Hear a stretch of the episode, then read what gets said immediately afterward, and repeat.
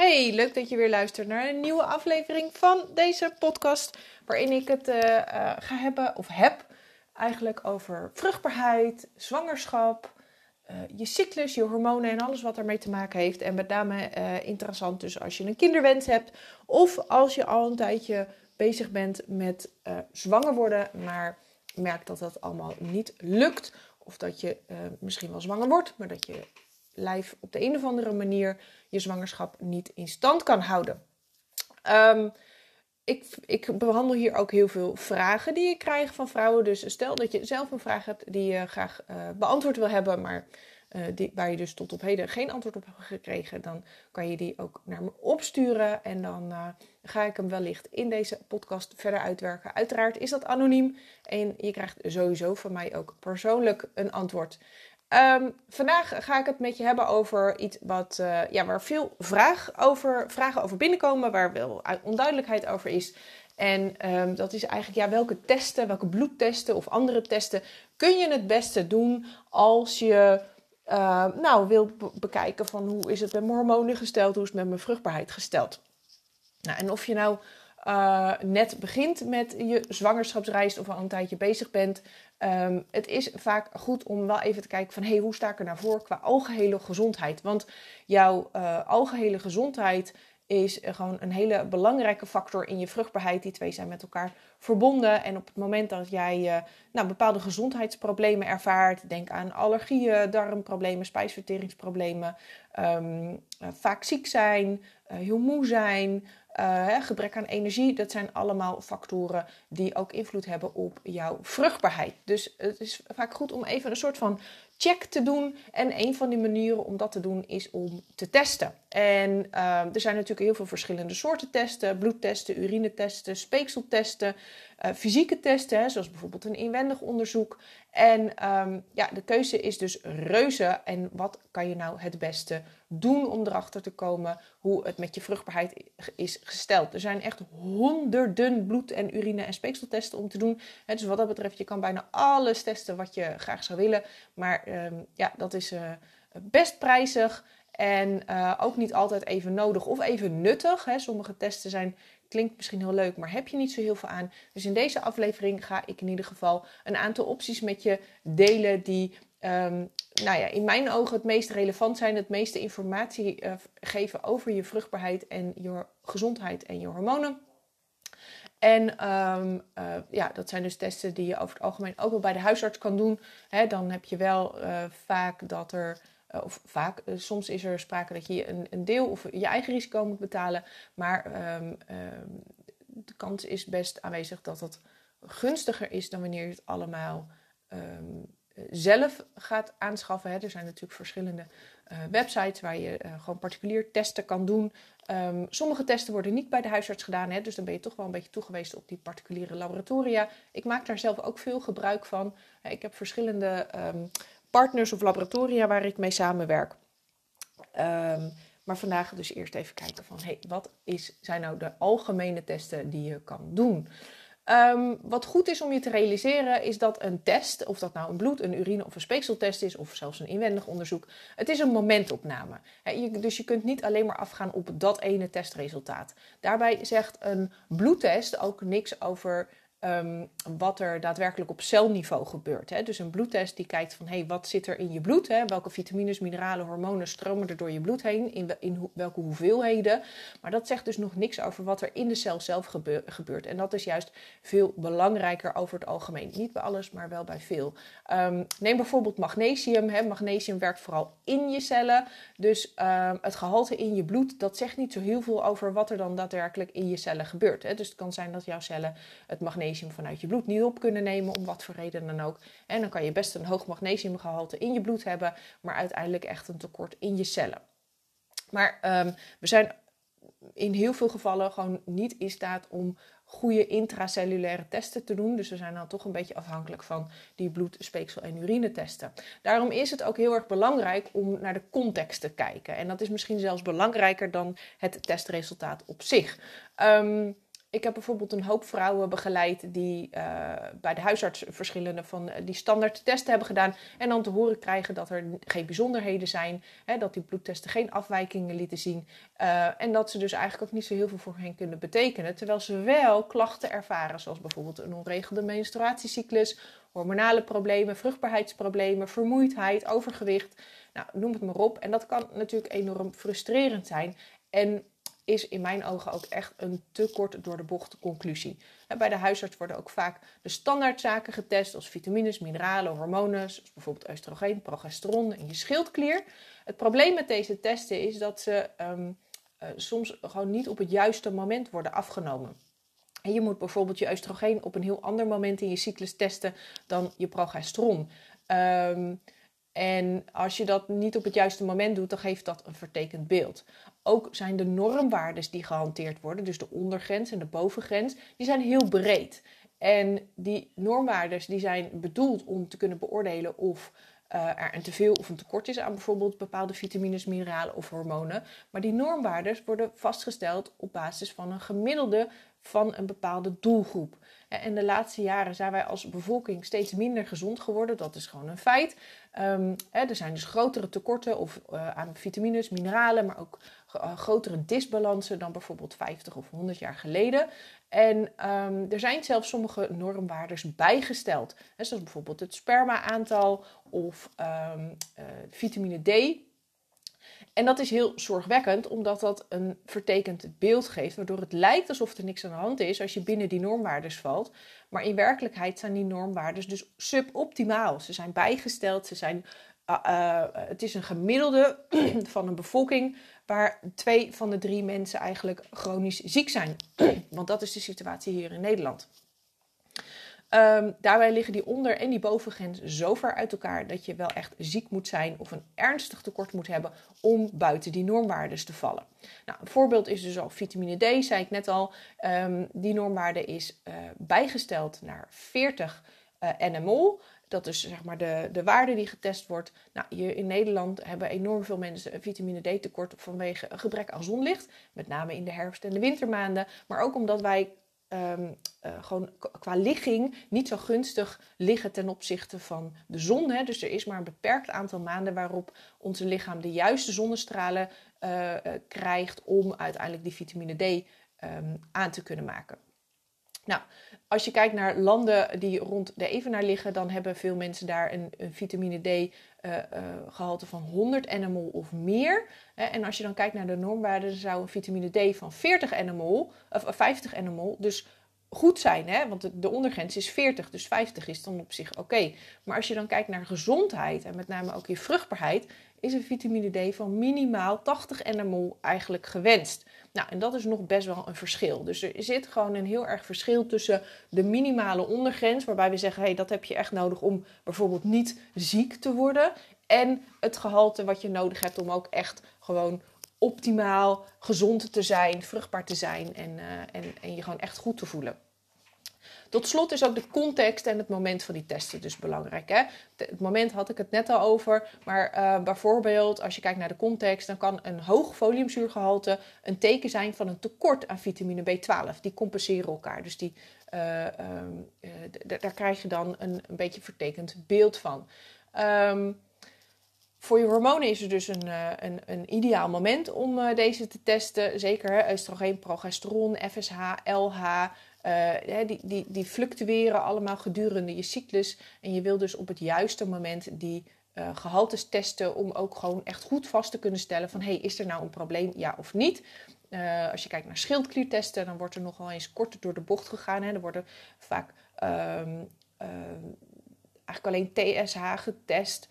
Misschien een keertje T4, maar dat, dat geeft gewoon eigenlijk te weinig informatie. Hè. Je wil je T3 testen, je uh, reverse T3, je vrije T4, je vrije T3.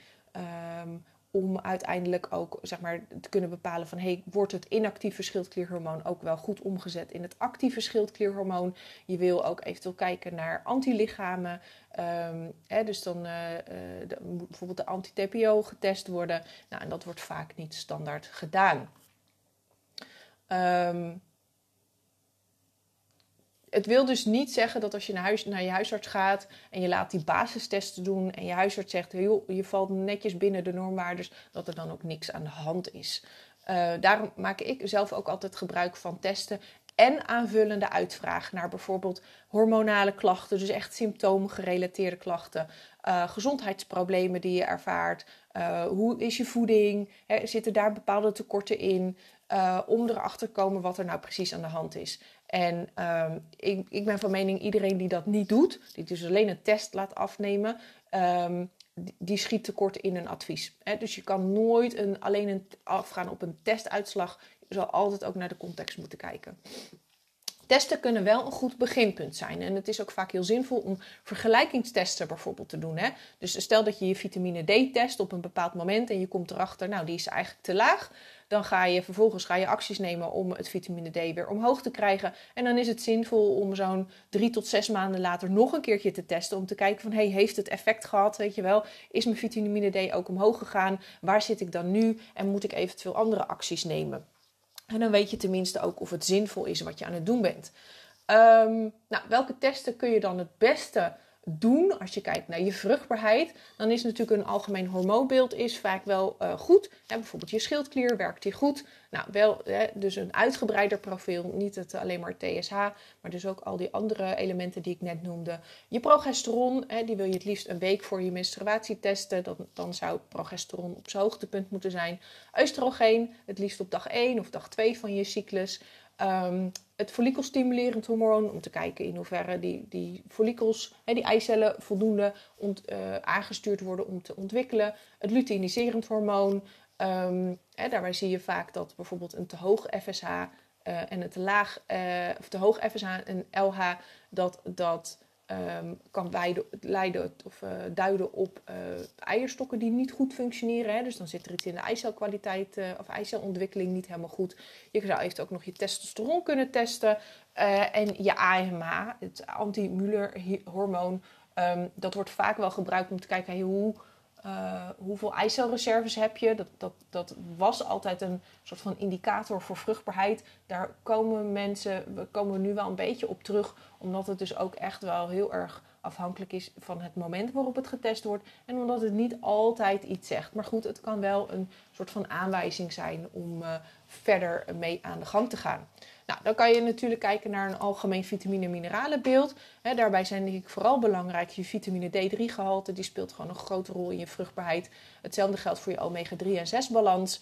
Um, uh, B12, B6, foliumzuur en magnesium. Die, die werken eigenlijk met elkaar samen en zijn vooral ook belangrijk voor een proces dat methylatie heet. En methylatie speelt een hele belangrijke rol in je genwerking. Uh, maar ook bijvoorbeeld die, die celdeling die aan het begin van de bevruchting natuurlijk plaatsvindt. De overdracht van uh, genetisch materiaal. Dus dat zijn belangrijke vitamine, mineralen. Um, en ook selenium, zink, jodium en ijzer. Uh, die heb je vooral ook nodig voor de werking van je schildklier. IJzer is ook belangrijk nu natuurlijk voor je, ja, voor je bloed, hè, je zuurstof. Um, dus dat zouden sowieso vitamines, mineralen zijn waarop ik zou laten testen. Uh, een andere wat ook nog wel interessant is, is je nuchter insuline. Uh, dat zegt namelijk iets over je insulineresistentie of uh, zeg maar hè, hoe goed reageert jouw lichaam op um, of insuline en hoe, hoe goed werkt die insulinehuishouding. Uh, vooral bij vrouwen met PCOS is dat bijvoorbeeld interessant. Maar ik zie het ook steeds vaker voorkomen bij, bij vrouwen die in principe geen PCOS of uh, andere uh, problemen hebben, maar die wel een lichte vorm van insuline, insulineresistentie laten zien. En een te hoog insulinegehalte kan of heeft een nadelig effect op de ontwikkeling van je eicellen. Dus dat kan ook wel interessant zijn. Um, homocysteïne is iets wat wel heel erg uh, interessant is voor je vruchtbaarheid. Homocysteïne is een aminozuur en dat speelt een rol in de omzetting van andere aminozuren. Nou, en als die omzetting niet goed werkt, dan ontstaat er een te hoog gehalte aan homocysteïne. En dat hoge gehalte dat wordt uh, vooral in verband gebracht met een verhoogd risico op bijvoorbeeld hart- en vaatziektes, maar ook met vruchtbaarheidsproblemen. Uh, en dan met name miskramen of, of ja, eigenlijk niet um, ja, onsuccesvolle bevruchtingen. Dus een hoog homocysteïnegehalte kan een aanwijzing zijn waarom uh, zwanger worden niet goed lukt. Um, Nou, die B6, B12 en foliumzuur zijn nodig, bijvoorbeeld om die homocysteïne goed om te zetten. En dat, daarom zijn dat belangrijke uh, vitamines om te testen. Je kan eventueel ook een gluten- en lactose-intolerantietest doen. Hè, met name dus testen op antilichamen. Um, het kan ook zijn dat er bijvoorbeeld sprake is van een lekke darm of andere darmproblemen. Dan kan een zonuline-test uh, interessant zijn. Um, ik denk niet dat dat heel gebruikelijk is bij een huisarts. Hè, dus daar zou je uh, met zo'n uh, particuliere laboratoriumonderzoek moeten doen. Nou, daarmee kan je bijvoorbeeld aantonen of er bepaalde antilichamen aanwezig zijn. Dat kan een teken zijn van bijvoorbeeld een lekkende darm of andere darmproblemen. Um, een DNA-test is heel interessant. Daar maak ik zelf gebruik van. Dat is eigenlijk de enige bloedtest die ik standaard doe. Um, er is ook een hele specifieke DNA-test, want je kan natuurlijk op heel veel verschillende uh, elementen je DNA testen, hè, qua leefstijl, qua afkomst. Maar deze DNA-test die richt zich heel erg op vruchtbaarheid en welke processen in je lichaam dus uh, belangrijk zijn voor die vruchtbaarheid.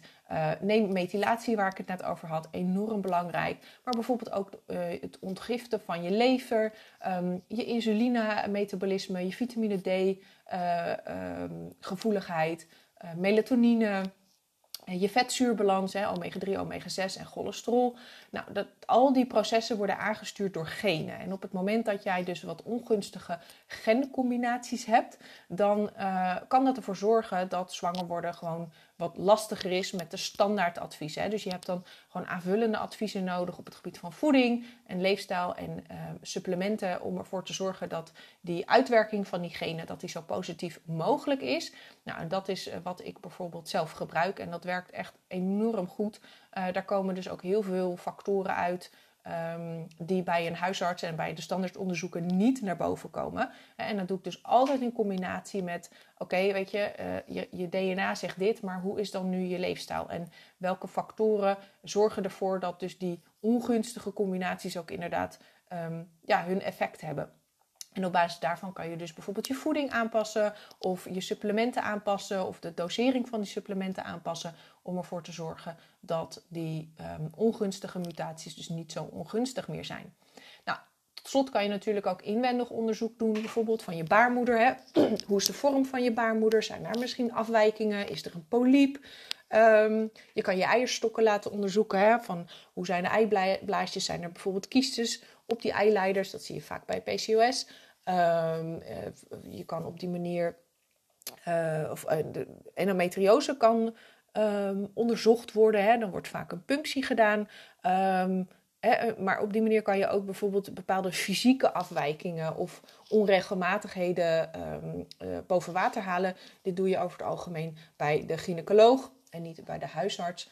Uh, om te kijken van, nou, weet je, wat zijn er fysiek? Is er misschien een verstopte eileider? Hè? Dat soort uh, elementen kan je ook laten onderzoeken. Een testen kan dus heel zinvol zijn, maar testen alleen zegt niet altijd alles. En meestal eigenlijk niet. Een test is een momentopname en zonder de context, hè, dus je voeding, je leefstijl, stress, beweging, gezondheidsproblemen enzovoort, kun je al snel een vertekend beeld krijgen. En um, ja, aangezien ze bij de huisartsen daar gewoon niet naar kijken, ja, dan, dan ik heb dus echt heel veel vrouwen die zeggen, ja, ik heb al die testen gedaan, er komt niks uit, ik weet het gewoon niet meer. Nou, vervolgens gaan ze bij mij dan uh, het natuurlijk zwanger traject volgen, doen de DNA-test. Ik doe de uitvragen op het gebied van hormonen, gezondheid en voeding. En er komt altijd iets uit wat ze dus via de huisarts of de gynaecoloog niet te horen hebben gekregen. En wat um, nou, de oorzaak is van een verminderde vruchtbaarheid. Uh, vaak zeggen de symptomen en klachten ook veel meer dan alleen een test. Dus in mijn trajecten maak ik gebruik van beide. Leg dat naast elkaar om erachter te komen wat er ook daadwerkelijk aan de hand is. Testen kunnen ook vrij kostbaar zijn. En niet alles wordt door de verzekering vergoed. Dus uh, vaak heb je te maken met een eigen risico. Sommige testen die worden bij de huisarts niet gedaan. Dus die zal je bij een particulier lab moeten, uh, uh, ja, moeten afnemen. En dat is waarom ik dus echt heel specifiek voor een genetische test op het gebied van vruchtbaarheid heb gekozen. Inclusief de uitvraag om uh, op het gebied van voeding en leefstijl om daar een goed beeld van te kunnen maken. Nou, mocht testen nu voor jou niet zijn weggelegd, of als je denkt van nou, ik heb al het een en ander gedaan, maar het eigenlijk komt daar niks uit, uh, dus ik, ik weet het niet zo goed, dan zou je ook altijd nog eventjes uh, deel kunnen nemen aan mijn masterclass Natuurlijk Zwanger. dat is een goed start, startpunt. Ik ga dan ook dieper op in op de meest voorkomende oorzaken van vruchtbaarheidsproblemen. Ehm, die dus niet bij de huisarts of de gynaecoloog eh, boven water komen. Het is interessant ook als je al een tijdje bezig bent. Eh, als je de meest gangbare adviezen uh, al hebt opgevolgd. Maar het dus nog steeds niet lukt. Of als er uit, inderdaad uit de testen niet, niks uitkomt. Hè, dus dat je eigenlijk met door je huisarts weer terug naar huis bent gestuurd, dan is dat zeker interessant. Aanmelden kan via de link in de beschrijving van deze aflevering. Maar je mag me ook een berichtje sturen via Instagram. Sowieso leuk om daar met elkaar te connecten, dus zoek me vooral ook even op. Ja, en heb je dus zelf een vraag, uh, stuur hem ook naar me op. Dan um, nou, ga, ik, uh, ga ik daar eens naar kijken of het uh, interessant is om die ook op te nemen in de podcast. Maar je krijgt sowieso antwoord van mij. Vergeet ook niet om je te abonneren op deze podcast, want dan krijg je een melding als er weer een nieuwe aflevering klaar staat. Uh, het makkelijkst doe je dit door op volgen of op het belletje te klikken bovenaan de podcast. En uh, ja, ik kijk er naar uit om van je te horen en hoop dat je ook de volgende aflevering er weer bij bent. Tot dan!